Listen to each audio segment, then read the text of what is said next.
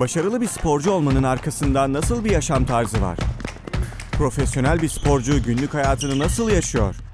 Taylan Dündar, sporcu ve spor insanlarıyla başarılı olma yollarını, karşılarına çıkan engelleri nasıl aştıklarını ya da aşamadıklarını konuşuyor. Madalyanın 200. Merhabalar, Madalyanın 200'ü programına hoş geldiniz. Bu programda konuğum Halkbank sporcusu ve erkek milli voleybol takımımızın sporcusu Yiğit Gülmezoğlu. Hoş geldin Yiğit. Hoş bulduk abi selamlar. Ankara'dasın şu an. Bizi kırmadın, kabul ettin bu podcast programını. Teşekkür ederiz sana. Rica ederim, rica ederim. İzmir'de her zaman bir podcast'te yayına katılmak isterim. İzmir'i çok seviyorum. Sağ ol, sağ ol. Oradan aslında güzel geldin. Hemen oradan başlayalım. İzmirlisin. Şu an Ankara'dasın ama iki senedir Ankara'dasın. iki sezondur oradasın. Aslında bütün hayatını İzmir'de geçirdin. Spor kariyerini de İzmir'de geçirdin. Eğitim hayatını da İzmir'de geçirdin. Spora başlamandan başlamak istiyorum. Galiba T. Fikret mezunusun. T. Fikret'te birçok spor branşıyla ilgileniyordun anladığım kadarıyla. Hatta eskrimi daha ciddi düşündüğünü duymuştum bir yerde. Doğru mu? Voleyboldan önce. Zamanında ilk başta aslında ben yüzmeyle başladım. Ondan sonra okulda Tevfik Fikret'te basketbolla devam ediyordum. Ardından birinci sınıfın sonları, ikinci sınıfın başına yani bu bahsettiğim çok küçüklüktü zaten. Evet. İlk öğretim 2'de yanılmıyorsam o zamanki antrenörümüz okulunda beden eğitim hocası Onur Hoca, Onur Işıkçı sağ olsun. Beni bir antrenmandan dedi ki gel Yiğit sen bir voleybolu dene. O gün bugündür voleybol hayatımda. Ama voleybola evet. başladığımdan yaklaşık bir iki buçuk sene sonra okulda bizim eskrim kulübümüze de ilgi duymaya başlamıştım ve oraya da bir şansımı denemek için kaydolmuştum. Ardından ikisini birlikte götürdüğüm birkaç yıl boyunca eskrim gerçekten de biraz daha ön plana çıktı diyebilirim. Çünkü orada hem daha ufak bir havuz vardı voleybola göre hem de bireysel bir spor olduğu için emeklerinin karşılığını almak çoğunlukla sana bağlıydı ve ben de çok çalışkan bir sporcuydum. Dolayısıyla biraz daha eskrimin de ağır bastığı bir dönem oldu hayatımda. Ama hep her zaman voleybol vardı ve ikisini birlikte götürdüğümde yaklaşık bir 6-7 sene vardı. Ondan sonra zaten profesyonel kariyer seçmek zamanı geldiğinde daha çok voleybola yöneldim ve oradan da kariyerimin başlangıcı oldu diyebilirim. Ya Yiğit buradan devam edeyim süpersin çünkü veliler de çocuklar tabii ki istiyor ama veliler de hep bir ayrımda kalıyorlar. Eğitim ve spor beraber gider mi? Sen iki branşı birden okul birincisiydin mezuniyetinde yanlış bilmiyorum değil mi? Yo yo doğru ilk öğretimi ben birinci olarak bitirdim. Ardından liseyi de ikinci bitirdim. Ya süper ve burada aynı zamanda iki spor branşında antrenmanlar yoğun bir programla beraber götürebildin. Yani aslına bakarsak e, çok büyük bir özveriyle başardım demek belki de biraz tam kabul edemediğim şey. Çok büyük bir özveriyle üstesinden geldim diyebilirim. Belki daha iyi bir tabir olacak. Evet. Çünkü şöyle bizim eğitim sistemimiz Türkiye'deki eğitim sistemi biraz da hem sporcu hem de öğrenci olmayı destekleyen bir eğitim sistemi değil ne yazık ki. Bunun evet. çok güzel örnekleri var bazı ülkelerde. Mesela Amerika'da, mesela Kanada'da öğrencilerin e, belirli burslarla hem okulunu hem de aynı şekilde sporunu götürmeye teşvik eden sistemler var.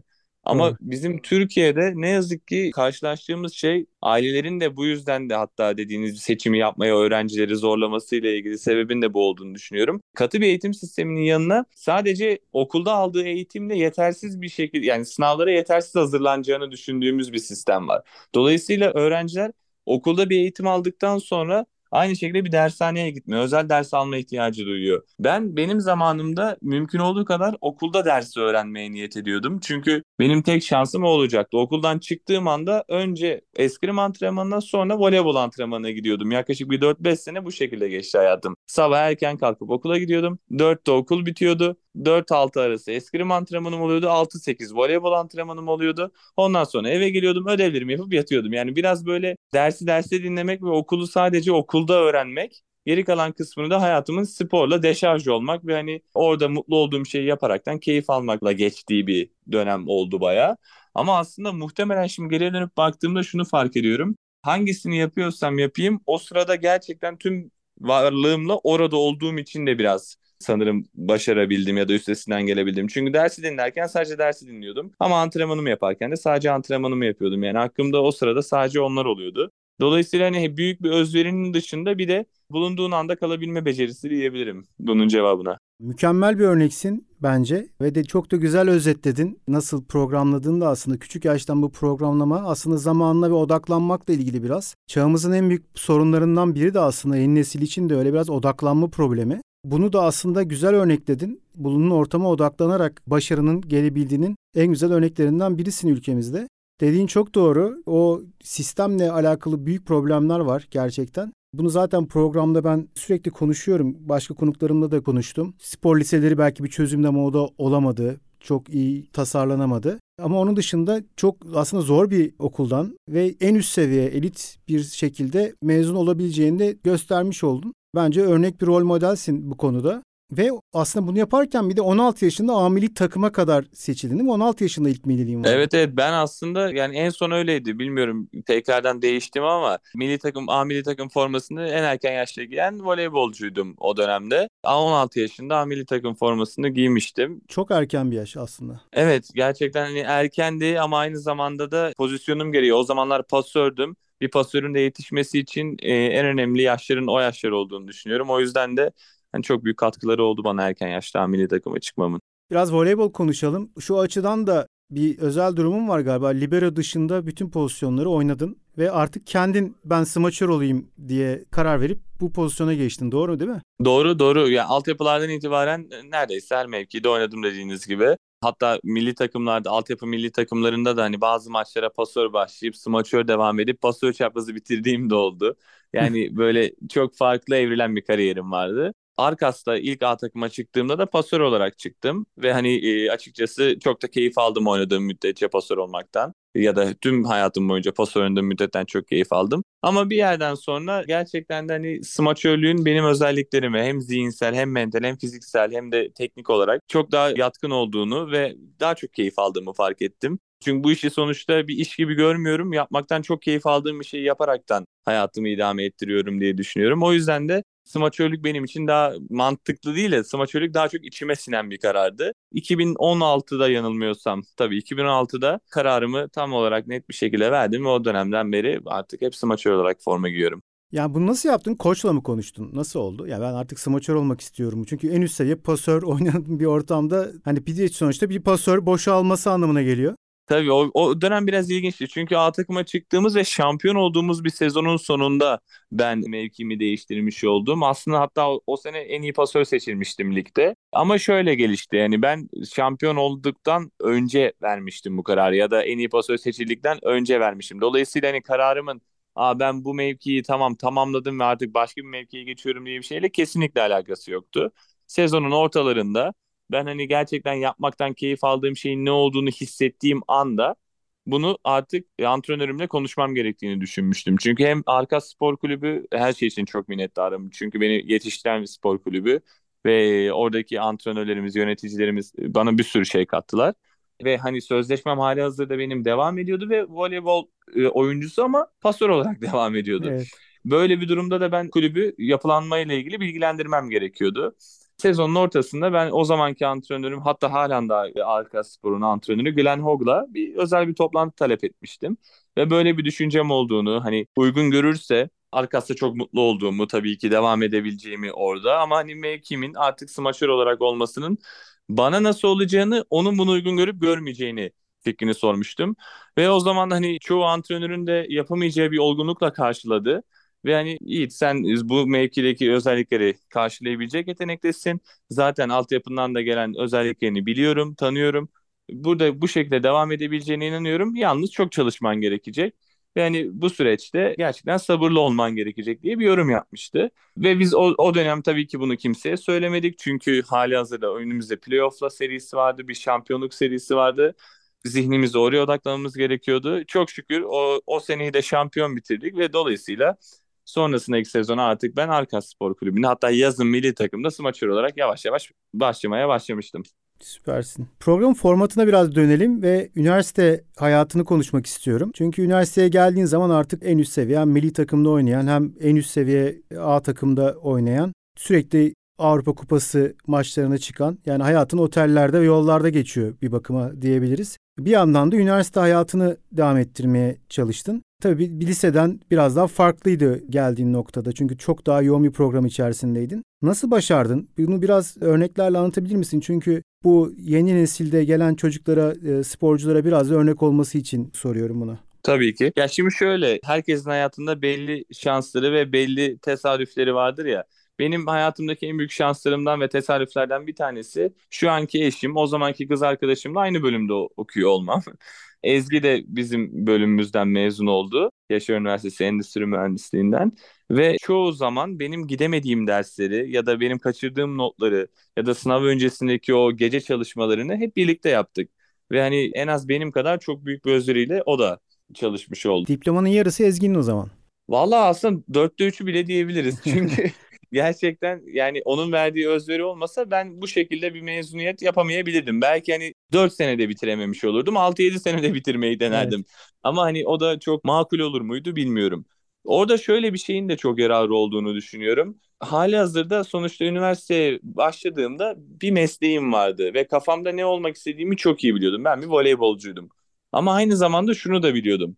Ben entelektüel olarak bir gelişim niyet ediyordum ve entelektüel olarak kendimi geliştirmeye devam etmek istiyordum. Ve bu bağlamda da hani sayısal bir liseden mezun olduğum ve mühendisliği de çok sevdiğim için özelliklerime de uygun gördüğüm için endüstri mühendisliğinde ilerlemeyi tercih ettim.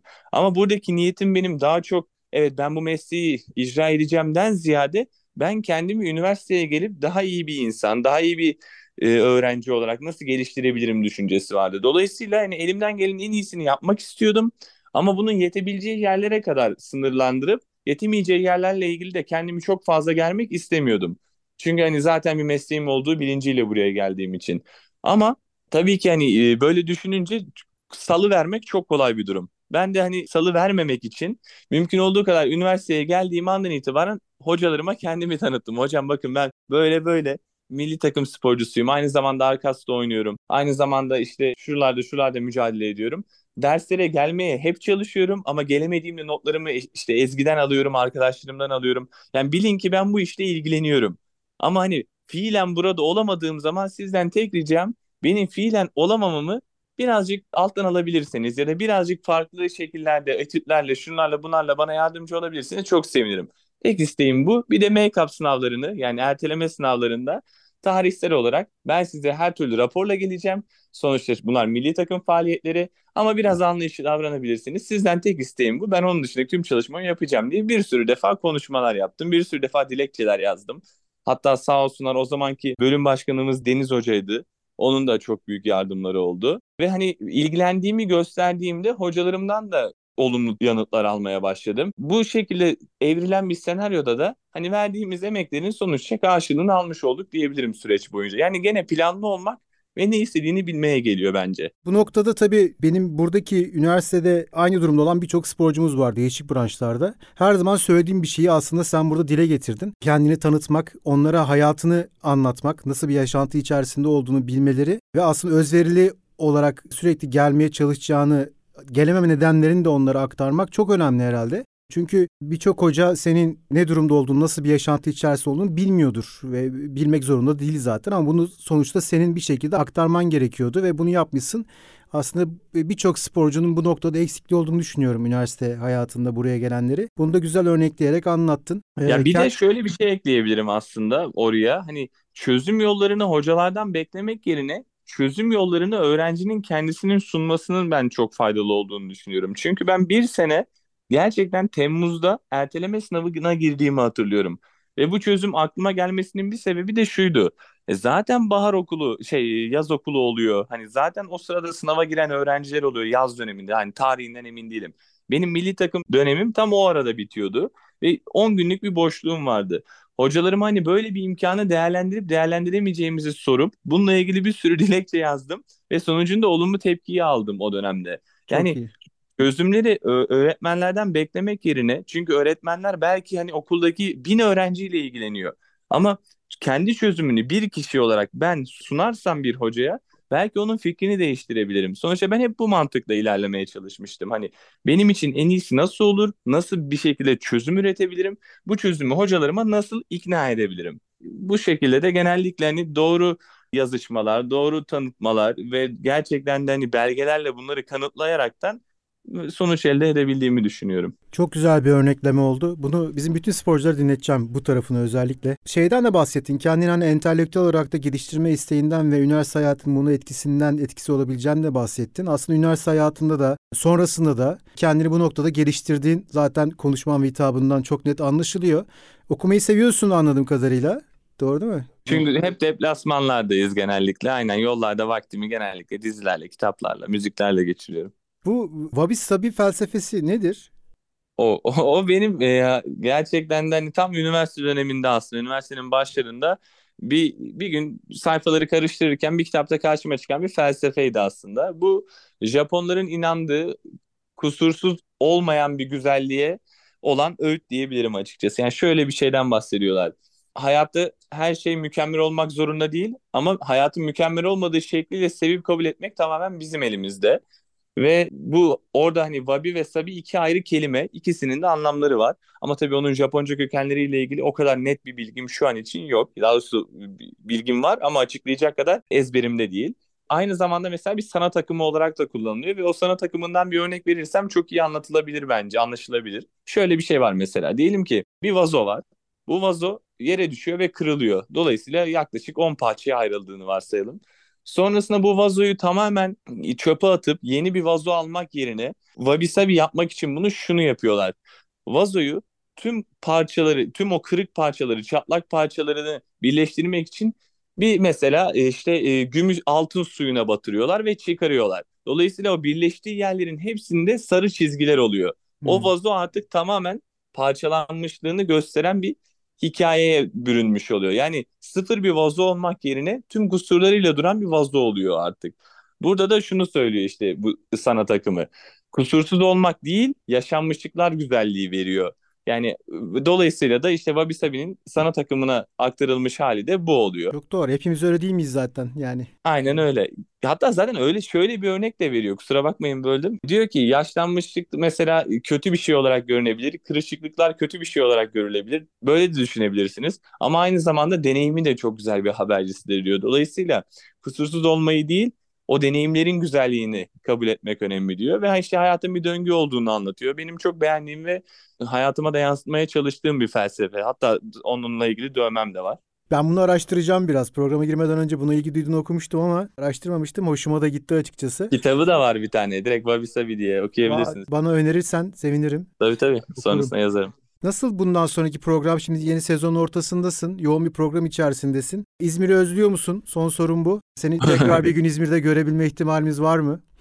Yani şöyle İzmir'i çok özlüyorum ama İzmir'de beni tekrar görebilme ihtimalimiz bilmiyorum. Kariyerimin sonunda da olabilir ya da hani ilerleyen dönemlerde tabii ki İzmir'deki hani yani Arkas'ta ben 9 sene boyunca oynadım ve altyapısından beri 15 sene Arkas'ta yetiştim. Benim için her zaman çok önemli ve yeri ayrı olan bir kulüp.